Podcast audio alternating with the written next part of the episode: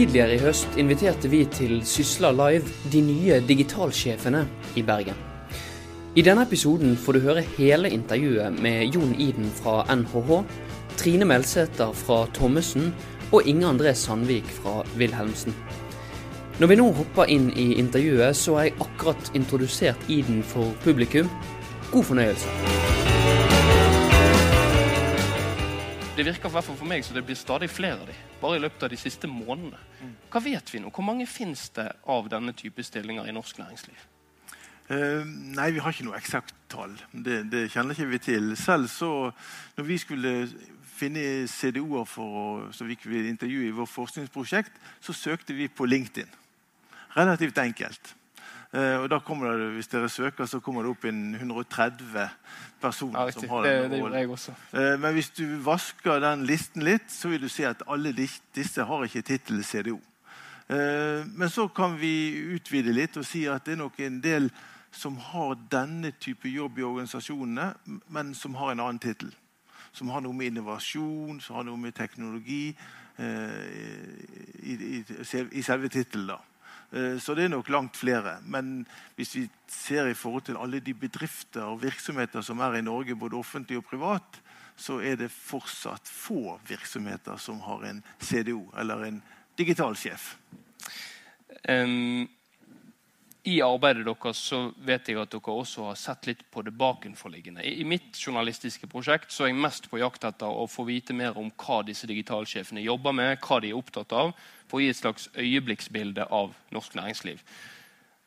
Men la meg spørre deg, hva er det som er grunnen til at vi ser at det blir stadig flere av disse nå?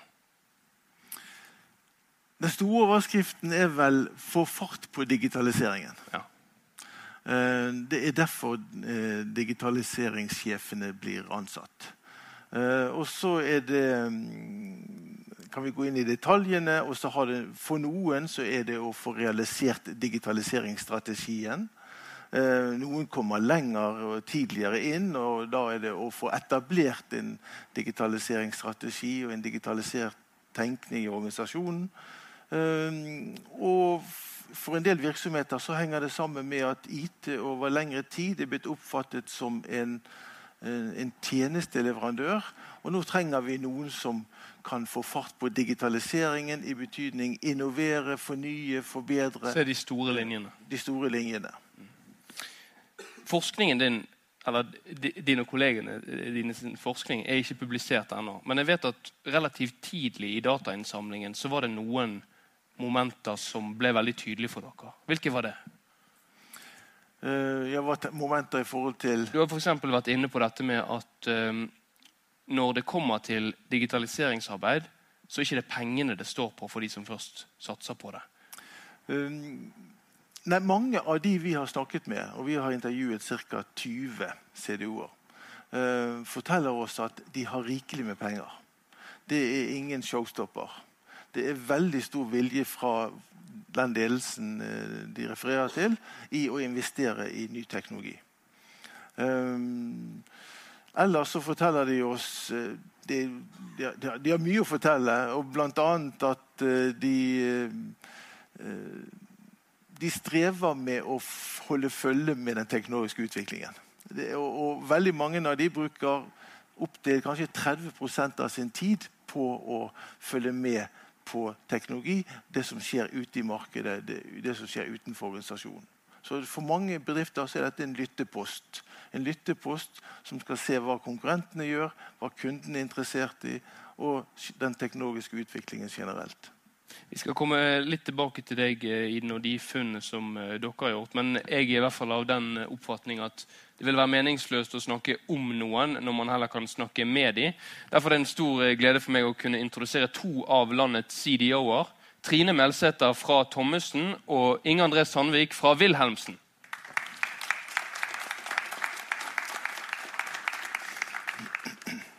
Jeg kommer til dere to, så har tatt litt telefoner i forberedelsene til, til dette arrangementet. her. Eh, og jeg snakket med en del virksomheter som eh, er innenfor, for de av dere som ikke vet, Wilhelmsen er altså store innenfor shipping, og Thommessen som de fleste sikkert vet, er store innenfor advokatbransjen.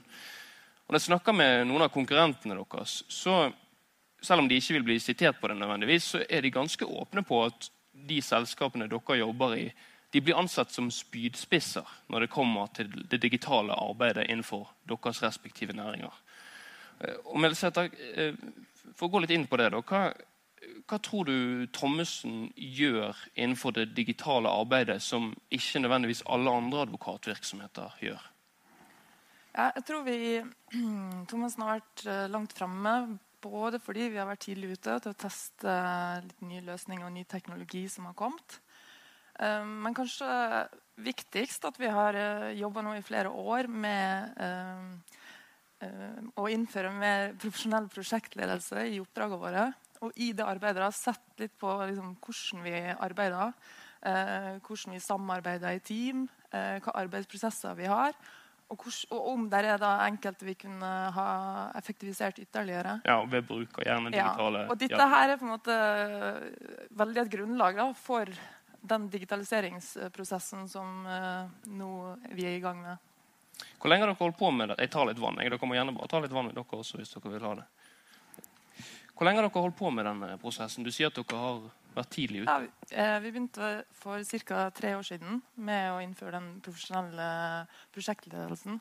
Altså det, er jo mange, det fins jo masse gode prosjektledere i Thomassen, og de har jo vært der før òg. Men dette mm. er å se det litt mer i system og, eh, og gå litt mer sånn konkret i verks og se på hva er det vi gjør, og hva er liksom best practice, og hvordan kan vi utvikle det videre.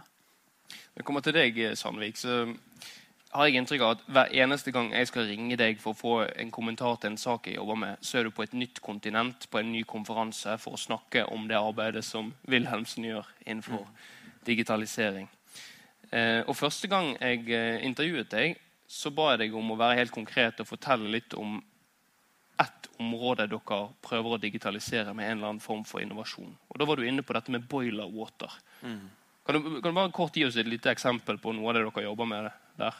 Ja, Bakgrunnen er jo at uh, vi ser vi må flytte oss fra produkt til tjenester.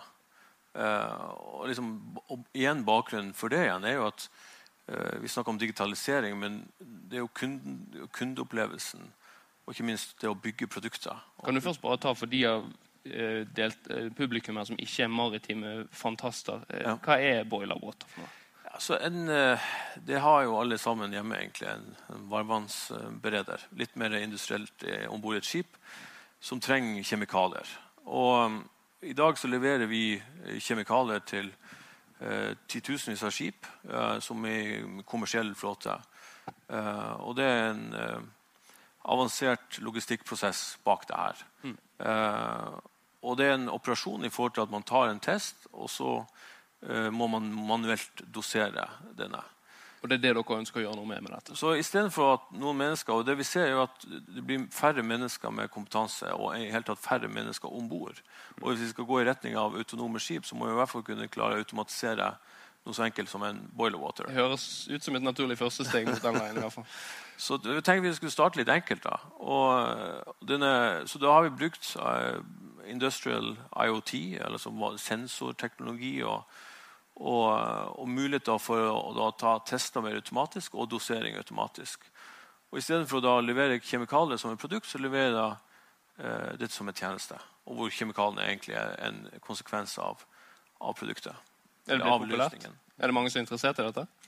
Det er veldig mange som er interessert i det. så vi har jo... Det svarer du selvfølgelig. Fått, nei, men altså, det, det, Mange av disse uh, shippingselskapene ønsker jo, som, som jeg sa, å, å drive ned deres OPEX. Uh, og være forberedt på, på en mer future-proof uh, fremtid. Eh, og da må de starte. Og noen er, er villige til å teste mer enn andre. Men, og vi er ikke helt klare sånn rent skaleringsmessig. Man snakker jo ofte i produktet om et minimal viable product til et minimal lovable product. Det blir mer product. pilotprosjekter fremover før dere går Ja, så vi er vi liksom i en overgang nå mellom et minimal lovable product til et minimal scalable product. Mm. Så Det blir liksom den neste eh, fasen å skalere dette her ut. Og vi har jo ambisjonen om å i og med at vi leverer allerede kjemikalier til, tusen, til, til tusenvis av skip, mm. at dette er noe som eh, har, har det potensialet. Mm. Eh, robotene kommer. De tar jobbene våre. Jeg, jeg, føler det knapt går en uke uten at jeg leser minst en sånn overskrift i, i norsk presse. Um, og når jeg, har, uh, når jeg har reflektert litt rundt det som skjer i næringslivet nå, så er i hvert fall ikke advokatbransjen den som jeg hadde plassert øverst opp på min liste som, som den som blir rammet av dette. Der er det så mye menneskelig kompetanse, og sånt har jeg alltid tenkt. Men, uh, men det fins en del hjelpemidler og verktøy som, som er utviklet nå, som advokatbransjen eh, bruker, som potensielt kan bety at det blir mindre behov for menneskelig arbeidskraft. Så ikke nødvendigvis bare det Thommessen bruker, men, men, hva er det du følger med på der ute? Hva er det som finnes? Ja, Vi tror jo fortsatt at det vil være bruk for advokatene og den jobben de gjør. da. Ja. Vi ser at noen av arbeidsoppgavene kan nok uh, automatiseres. Ja. Uh, et eksempel på det er i forbindelse med kontraktsgjennomganger, som man gjør ofte ved kjøp og salg av selskap. Mm. Der man har veldig store mengder med kontrakter som skal gjennomgås, og man skal finne det viktigste i hver kontrakt og se etter avvik. Eh, og dette er jo noe som man nå begynner å få verktøy for, der man kan putte alle disse kontraktene inn i det verktøyet. Og den kan da eh, ved hjelp av kunstig intelligens eh, lese gjennom og gi på en måte advokatene våre en rapport ut av hva som var viktigst, og hva er avvika, og hva man må være obs på. Uh, og dette er noe som måte, er i utvikling, og som kommer. Uh, de verktøyene som finnes i dag, er da, de har blitt utvikla i England og i Canada, sånn at de er gode på engelsk og engelskrett. Uh, mm. men de Dette må tilpasses hvert lands ja, lov? Det må tilpasses, og det må læres opp i norsk og norsk rett. Men er det noen i Norge som er i gang med det? Altså å lære den store røde boken? Jeg tror mange av advokatfirmaene ser nok på dette her. Eh, men det er ganske ressurskrevende å lære opp i norsk språk og norsk rett. Eh, slik at det er noe man driver litt nå og ser på og på en mm. måte ser, vurderer liksom verdien av og hvordan man kan eh, skalere dette. her. Mm. Sandvik, hva, hva mener du er de viktigste oppgavene dine som CDO? Det er jo en um i stor grad, og du har vært inne på det i forhold til å være en brobygger både internt og eksternt. Uh, men ha et veldig godt fundert forretningsmessig og strategisk uh, perspektiv i forhold til hva, hva, er våre objectives og key results. Um, og det å kunne uh, jobbe da med de forskjellige forretningsstrømmene som har ideer, eller som får forespørsler eller de ser endringer i markedet i forhold til eh, trender eller hva det måtte være. Å kunne være en sånn oversetter i forhold til de, de utfordringene som de ser, mm. og kunne uh, hjelpe dem med løsningsarkitektur og, løsnings, uh, og valg av, av, løsninger. Og ikke minst å utvikle dem. Dette her er inn, som man er inne på med, med, forretningsforståelse og strategitenking. Er det noe du kjenner igjen ut ifra de 20 dybdeintervjuene du har gjort med med folk i denne stillingen? Ja, absolutt. Eh, veldig mange av de eh, digitaliseringssjefene vi snakker med, de er enten siviløkonomer eller kommer fra mer forretningssiden enn den teknologiske siden. Mm. Uh, og alle påpeker, og det er kanskje naturlig når de har den bakgrunnen, at forretningsforståelse er viktig. Mm. Men, men, for å supplere litt det han sier vi, vi, finner Hvis vi tar det litt sånn sjablongmessig, så finner vi at uh, disse CDO-ene dekker tre roller. Okay. Eller de kan inngå i tre ulike typer roller. Den første rollen er det vi kaller for entreprenørrollen. Eh, de er igangsettere, ser muligheter eh, og er med å etablere en digitaliseringsstrategi. Får ting til å skje. Mm. Eh, den neste rollen kan vi kalle for evangelistrollen. Det er den rollen som går ut og altså den personen Sitte her og messe Ja, altså ut i organisasjonen, snakker med de ulike Eh, lederne for de ulike forretningsområdene, gjerne ledergruppen eller på styrerom eller hva som helst, få alle disse personene til å tenke eh, digitalisering, tenke innovativ bruk av informasjonsteknologi og, og, være forberedt på å gjøre det og villig til å gjøre det og villig til å bruke penger på å gjøre det. Altså mm. spre det glade budskap. Og Den siste rollen kaller vi for koordinatorrollen. Eh, og Det er knyttet til at det skjer mye i organisasjonen, i de ulike forretningsenhetene. Eh, og denne rollen tar på seg da en jobb med å koordinere og samordne initiativene. Melsæter, er du mest eh, evangelist eller entreprenør, eller hva vil du si? Jeg tror den viktigste delen av jobben min er å prate med advokatene og få dem engasjert i dette og til å se nye muligheter i teknologi. Jobbe med kultur. Jobbe med kultur. Det, det, det er det jeg tror er den viktigste delen. Det er en klisjé, men men si. de andre tinga òg er jo Så du er evangel er evangelist? vel det. da. Ja.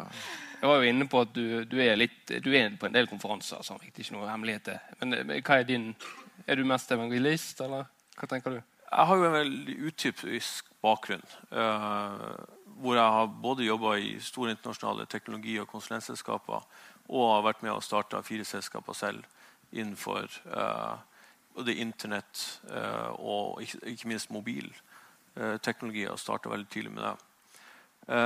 Så det å starte ting Jeg, kjenner meg jo veldig igjen i forhold til den entreprenørrollen. For at internt så må man jo også få med stakeholders og få solgt inn disse endringsprosessene. Det er jo stor grad endringsledelse vi snakker om. Um, og, det å, og, og da må man bruke velkjente teknikker i forhold til å skape awareness, interest, desire, action. Uh, som man ellers jobber med i salg kan og markedsføring. markedsføring. Så, så, så, og så må man jo også ha kontekst, og man må ha innhold og man må ha troverdighet. Og da må man være en god historieforteller. Det er jo en ting, Du, du er litt inne på det nå med Vil du kommentere det? først? Nei, nei. For jeg, når jeg er inne på det med, med din bakgrunn, så det er jo også Bortsett fra at dere representerer spydspisser, hvis vi kan slå det fast, så har dere også det til felles at dere begge to kommer utenfra. på en måte. Når, når jeg traff deg første gang, Sandvik, på Nordshipping, som er en av verdens største shippingmesser, så var det første gang du hadde vært på, en shipping, eller på den shippingmessen. i hvert Ja. fall. Eh, og du Melser, har bakgrunn fra konsulentbransjen. Og jeg lurer på, eh, Ser du i den det som et eh, Er det noe du kjenner igjen? Er disse typiske sånn sett at de kommer de kommer ikke fra selskapets egen IT-avdeling og så stiger opp til digitaliseringssjef. De, de kommer utenfra. Ja, I vårt materiale så finner vi en god miks. Mm. Eh, Det er en del som er rekruttert innenfra. Eh, Men det er også leder, altså bedriftsledere som er ganske tydelige på at de ønsker en ekstern inn.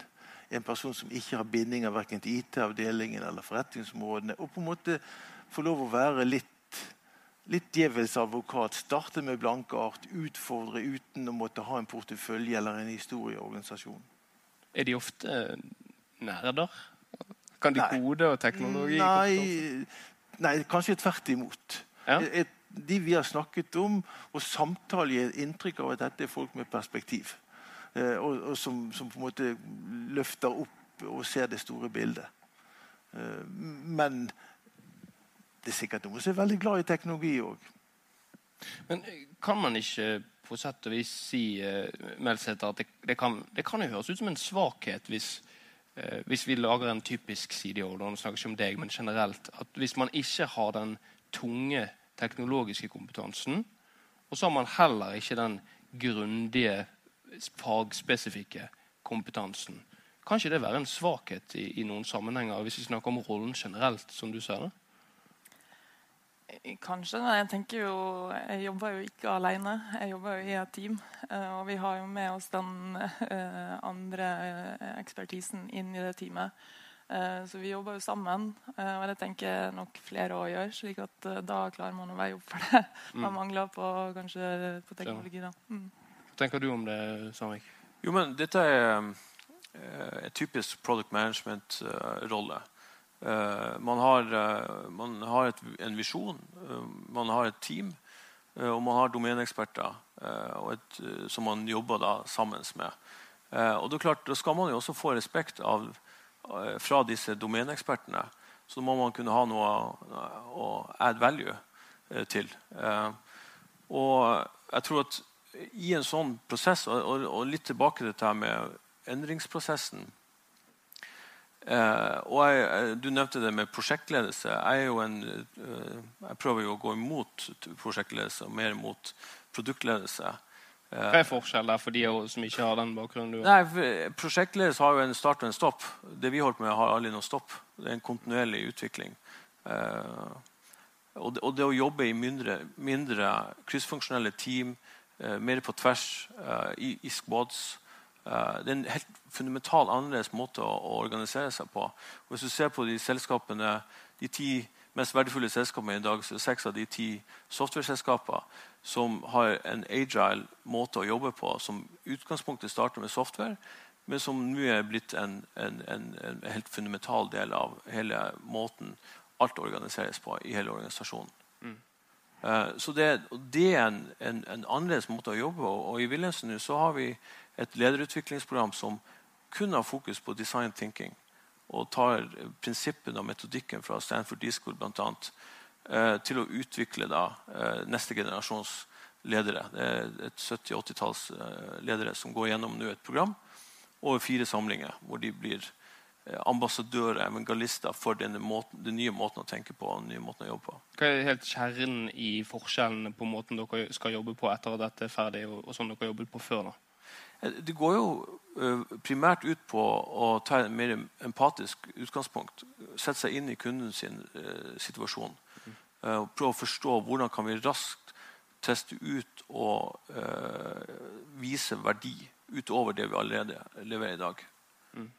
Og, og, og, det er en, uh, en, en trolig lærerik prosess, men også krevende prosess i forhold til at man åpner seg opp, og man må være mer uh, transparent. Idne, så du har lyst til å ja, ja, Du spurte om dette, om, eller du var inne på dette behovet for teknologisk kunnskap hos mm. en digitalsjef. Um, og dette er jo situasjonsbestemt. Uh, de fleste av de vi har intervjuet, forteller at de, har, at de leder en enhet. Altså de har flere ressurser med seg. Uh, mange uh, er brobyggere eller integratorer eller lager nettverk i organisasjonen og ser det som noe av det viktigste. De, de er på en måte innforstått noen med sin begrensede teknologiske kunnskap Eh, men, men, brygger da allianser, gjerne med IT-avdelingen eller andre eksterne. Også mange eksterne leverandører, startups, inne i bildet her, eh, som, som supplerer de med, tek, med teknologien. Mens, mens andre eh, legger kanskje vekt på at de har en distanse til IT-avdelingen. Mm. IT-avdelingen de, de som forvalter infrastrukturen og tjenestene, og vi er de som skal tenke nytt. Og, og, og det gir de en legitimitet og, og, rett og slett ha denne distansen og være mer forretningsorientert enn teknologiorientert. Syns du landets CDO-er, du har snakket med omtrent 20 av dem, syns du de er flinke å være konkret? Uh, ja, de, de har iallfall ikke noe problem med å fortelle om prosjektene sine. Altså, vi setter gjerne av en time, en og en halv time til et intervju. Og når lunsjen begynner å nærme seg, så sier jeg nå tror vi må slutte. Altså, mm. det så, de har jo så lyst til å snakke om jobben sin. De elsker å snakke om jobben sin. De, de renner over av ideene og prosjektene de holder på med. og um, av og til har, Noen ganger tar vi det over telefon, andre ganger tar vi det i møterom. Og så kommer noen og banker på døren. 'Nå må du flytte til et annet møterom, for det, nå har vi bestilt her.' Mm. Nei, De har ikke vanskeligheter for å være konkrete. Um, på ingen måte. Um, er det noen av dere som har, har, møtt på den problemstillingen? Altså, det er jo store ting vi snakker om her, og det er veldig ofte med store merkelapper og begreper som er litt sånn uangripelige. Hvordan, hvordan jobber dere for å, å, å, klare å kommunisere ut det dere faktisk eh, vil gjøre av endringer? Jeg, jeg har bare lyst til å si en ting i forhold til den tradisjonelle eh, IT-rollen. Mm. Um, det er utrolig viktig at uh, det, det, blir en god symbiose mellom IT, og at de ikke oppfatter det som en trussel. Uh, og heller ikke at de ansatte eller andre i organisasjonen føler det som en trussel. og teknologi, Hvis man tror da at teknologi er en amplifier, og så vil den endre på folks jobb, men det vil gi en mulighet til å skape nye jobber. Eh, så i den prosessen for å identifisere hva slags muligheter vi har, så må vi også tørre å være disruptive. Tørre å utfordre oss selv. Eh, eh, og, og også være veldig konkrete i forhold til å ta noen, noen, noen, noen valg. Vi investerte nettopp i et 3D-printingselskap som er direkte disruptive mot andre deler av organisasjonen vår. Og i mitt mandat så ligger det å se på uh, også ting som kan disrupte vår eksisterende uh, virksomhet. Uh, og det, det, må kommuniseres tydelig og åpent i forhold til organisasjonen og de menneskene det innbefatter. Eh, så vi får en positiv eh, prosess her, og at man ser at det, det er muligheter. Eh, og ikke bare trusler. Og så husker jeg at Du fortalte litt om denne innovasjonslaben som Wilhelmsen blant annet tok initiativ til. Ja. Kan du fortelle litt om hvordan dere prøver å hente ut de gode ideene derfra? Har det kommet noen resultater fra det arbeidet så langt? Ja, det, det har det vi tenkte jo først at vi skulle gjøre noe internt. Men så begynte vi å tenke at men vi har jo lyst til å, vår visjon er å shape the maritime industry. Det er mitt uh, utgangspunkt. Mm. Og da kan vi jo ikke gjøre det alene. Så da var det naturlig at vi, vi henvendte oss til uh, viktige og, og, og samarbeidspartnere, sånn som Kongsberg, uh, eh, DNVGL, Aker. For å se kan vi gjøre noe sammen her. De vil jo selvfølgelig kjøre sine egne corporate innovation labs. eller hva det måtte være. Eh, eller R&D. Men kan vi uh, se på dette her i en større sammenheng? Kan vi uh, bli enige om standarder? Kan vi gjøre ting på tvers? Som kanskje i en setting er litt i co-petition, med en annen setting hvor vi veldig konkret utvikler et produkt og en tjeneste sammen. Mm. og invitere inn andre, da, startups typisk, og, til å, å, å, bli en del av det utvidede teamet. da.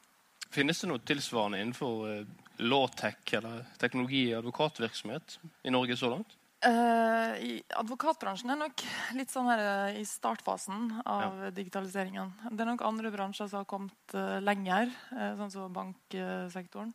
men vi ser at nå kommer endringer til advokatbransjen òg. Mm. vi ser at det kommer, har begynt å komme en del startups som er i gang.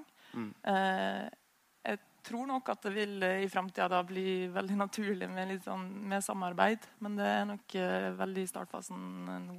Sånn intuitivt, uten at du skal love noe, mm. ser du for deg at dette er noe som Thommessen kanskje kunne tatt initiativ Dere er en betydelig aktør i Ja, Det vet vi ikke, men det må vi se an. Det er noe ja. vi vil vurdere. Ja.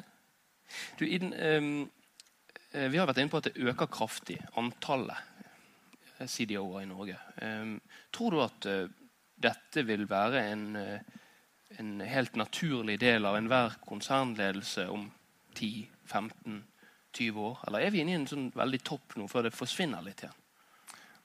Det jeg lurer litt på, det er jo hvordan IT-sjefene responderer på dette. Ja. Uh, om IT-sjefene ønsker å på en måte markere seg at denne rollen vil vi ha òg. Uh, IT-sjefene eller IT-avdelingen har fokusert på stabil og sikker drift.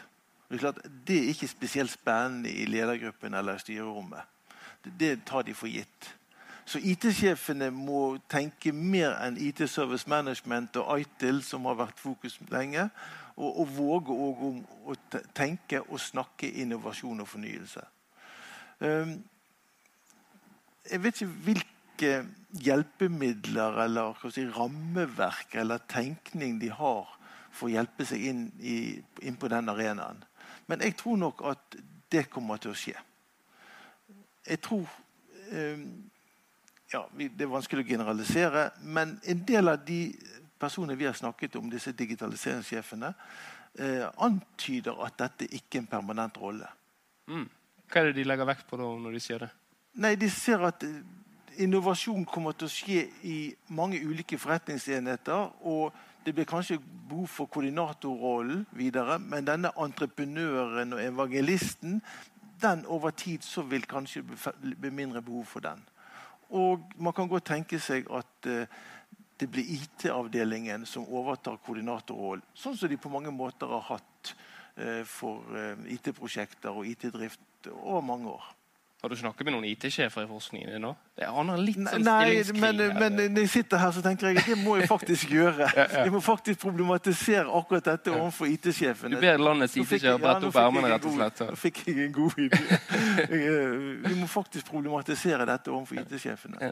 Når det er sagt eh, Det finnes en del internasjonal forskning som har bl.a. Eh, forsket på forholdet mellom CDO og IT-sjefer okay. uh, gjennom en del case-studier og finner at de samarbeider veldig godt. Mm. Uh, at det er et veldig godt samarbeid, Men det er utfordringer i forhold til styring, både vertikalt og horisontalt. Uh, og Det skal vi være oppmerksom på når vi innfører en ny rolle eh, altså ikke i IT-enheten, men nærmere forretningsledelsen, som òg skal ha noe med IT å gjøre. Både være altså, evangelist, entreprenør, men kanskje òg ta beslutninger. Mm. Så, får vi, så får vi styringsutfordringer for IT-området totalt sett. Eh, det kan fremme innovasjon at vi lar flere være engasjert i å få frem IT-tiltakene. Men over tid så vil det, vil det, utfordre måten vi styrer på, og det vil utfordre alt det vi kjenner til når det gjelder utfordringer knyttet til sikkerhet og personvern, konfidensialitet osv. Iden inn på at eh, mange han har snakket med, sier at denne stillingen potensielt er, er vekke om en stund. Blir dere arbeidsledige med det første? Melsæter? Nei, jeg håper jo ikke det. digitalisering er jo litt uh, altså noe man har i tiden. altså En endring som vi skal gjennom. Uh, om 10-20 år så er det kanskje ikke det man snakker om. Det er bare en helt naturlig del av måten man jobber på. Mm. Uh, så om det heter CDO i, der fremme, det vet jeg ikke. tenker du, Sandvik? Jeg, jeg tenker at jeg er her for å gjøre impact. Og det å disrupte seg selv må være en, en forutsetning. Mm. Eh, og digital, altså Om få år så vil vi ikke snakke om digital. Det er liksom eh, egentlig et tullete begrep. Eh, vi snakker om å skape eh, mer forretning, eh, bedre forretning, nye forretningsmodeller, nye prismodeller, nye produkter. Eh, og Det er det det kommer til å handle om. Hva mener du med at digitalt er et tullete begrep? Nei, men, altså, Hvis du ser på um, det, det, er jo ikke et spørsmål lenger om man skal være digital eller ikke. Man må være det. Man må være det. Ja. Og, og, det er bare spørsmål om hvordan. Det som ikke allerede er løst av software, vil bli løst av software. Uh, er det noen som har sagt. Og det er jeg enig i. Du på det? Ja, altså, det, det, det, det, er en forutsetning uh, for å kunne drive effektivt og være ekstremt kundeorientert. og litt sånn tilbake til det med IT. Det er jo en diametral forskjell her. for at IT er opptatt av stabilitet, sikkerhet og kostnad. Mens det vi snakker her om, det er jo endring. Uh, konstant endringer. Um, og, og, og, ikke minst kunder da, som er krevende. Og, og, kommer til å bli mye mer krevende fremover. Mm. Og Da må man være, være rigga for den, for den endringsprosessen. Men skal man være world class på øh, Og det må man være også på stabilitet og sikkerhet og, øh, og kostnad, så må man skille disse tingene. Det, finner, det finnes ikke uh, det mennesket i verden eller det teamet som klarer å være world class på begge områdene samtidig. Det er i hvert fall ikke jeg sett det. Mm. Jeg tror tiden er moden for å gi ordet til, til dere. Marit, har det kommet inn noen spørsmål? Ja, det har eh, det. Og eh, det går egentlig litt på denne stillingskrigen som dere snakket om her oppe. Det er mange som er opptatt av eh, denne rollen mellom eh, de nye CDO-ene og IT-sjef, eh, daglig leder. da. Eh, og nå har vi jo snakket litt om det allerede. Men går det an å liksom utdype litt hva som er typiske utfordringer, og også hva, hvor mulighetene ligger?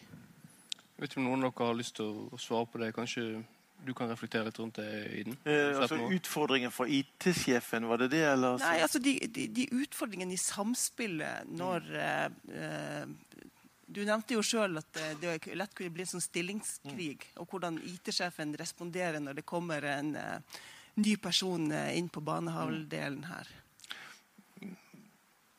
For altså, mange IT-avdelinger er svært opptatt med å forvalte eh, legacy-systemene sine, eller fagsystemene, eller de store systemene, på en sikker og god måte. Og de har en portefølje av endringsønsker som skulle vært realisert. Og Det er jo litt av det som også skaper behovet for eh, CDO-ene. At eh, noen kan ta fatt i innovasjonen.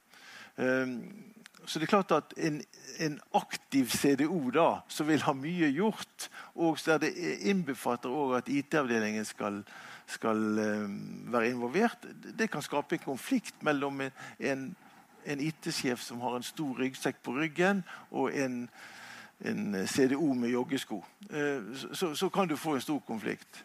Uh, en, studie vi har gjort i forhold til robotisering, er jo så vidt òg litt illustrativ. altså der har vi personer i IT-avdelingen som responderer med at skal disse amatørene, de ikke IT-profesjonelle, drive med å lage roboter ut, eh, i forretningsområdene.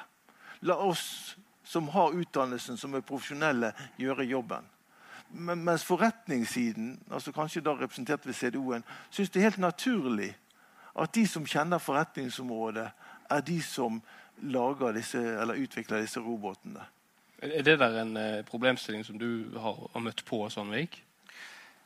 Ja, altså, Det første jeg skal si er at det er en forutsetning av, hvis man skal gjøre disse endringene, at uh, IT og resten av forretningsdelen eller CDO eller hva det måtte være, uh, er ekstremt uh, godt Eller samarbeider veldig godt.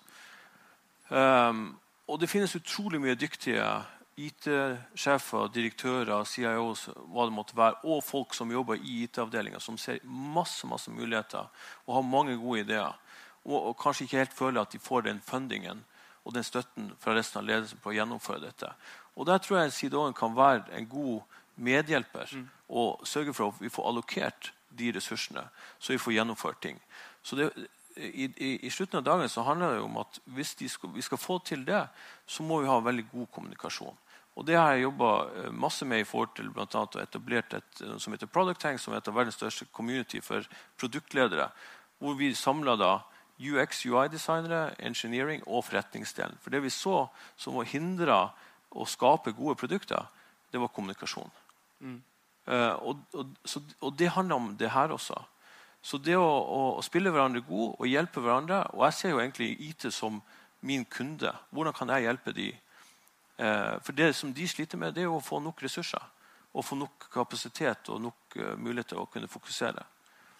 Vi rekker et kjapt spørsmål til hvis eh, svaret ikke blir altfor langt. Har vi, var det noe mer som kom inn? Eh, ja. Eh, det er noen som lurer på om det kan sies å være en fallitterklæring at man plasserer ansvaret på én person, i hvert fall adresserer ansvaret på én person.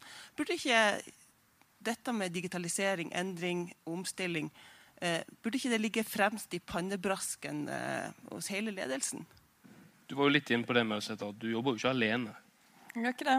Uh, og ledergruppa er nok uh, Alle der er veldig interessert i uh, digitaliseringa, mm. skal kalle det den. Altså den endringa vi er inne i nå. Uh, så jeg føler det egentlig er i pannebrasken, også til alle. og så er det mer det å ta noen av de rollene som du snakka om. altså Koordinere de initiativene vi har. og snakke ut i organisasjonen og drive frem endring derfra. Ja, vær så god. Ja, jeg nevnte den evangelistrollen. Og, en del av det som uh, informantene forteller oss, det er at vi er jo ikke en teknologibedrift. Vi driver enten med å selge forsikring eller utvikle hva det skulle være. Men vi ikke, har jo ikke en, en, besetning eller en bemanning som er orientert mot teknologi. Og Det er jo det som for mange CDO-er er den største utfordringen og den største jobben. Det er jo å få organisasjonen og alle ansatte, og ikke minst ledelsen, til å begynne å snakke om teknologi og forstå teknologi. Teknologi, teknologisk forståelse. Mm. Jeg tror vi lar det bli uh, siste ord i, i denne omgang. Når uh, Sysla Live er tilbake etter lunsj, som jeg ønsker dere hjertelig velkommen til, så skal vi snakke om kraftbransjen. Og vi stiller spørsmålet hva skjer egentlig når jeg ikke lenger bare kan produsere min egen strøm, men kanskje også selge den? Mine damer og herrer, gi en stor applaus til eh, våre fantastiske gjester Inge André Sandvik, Trine Melsæter og Jon Iden. Takk for oss.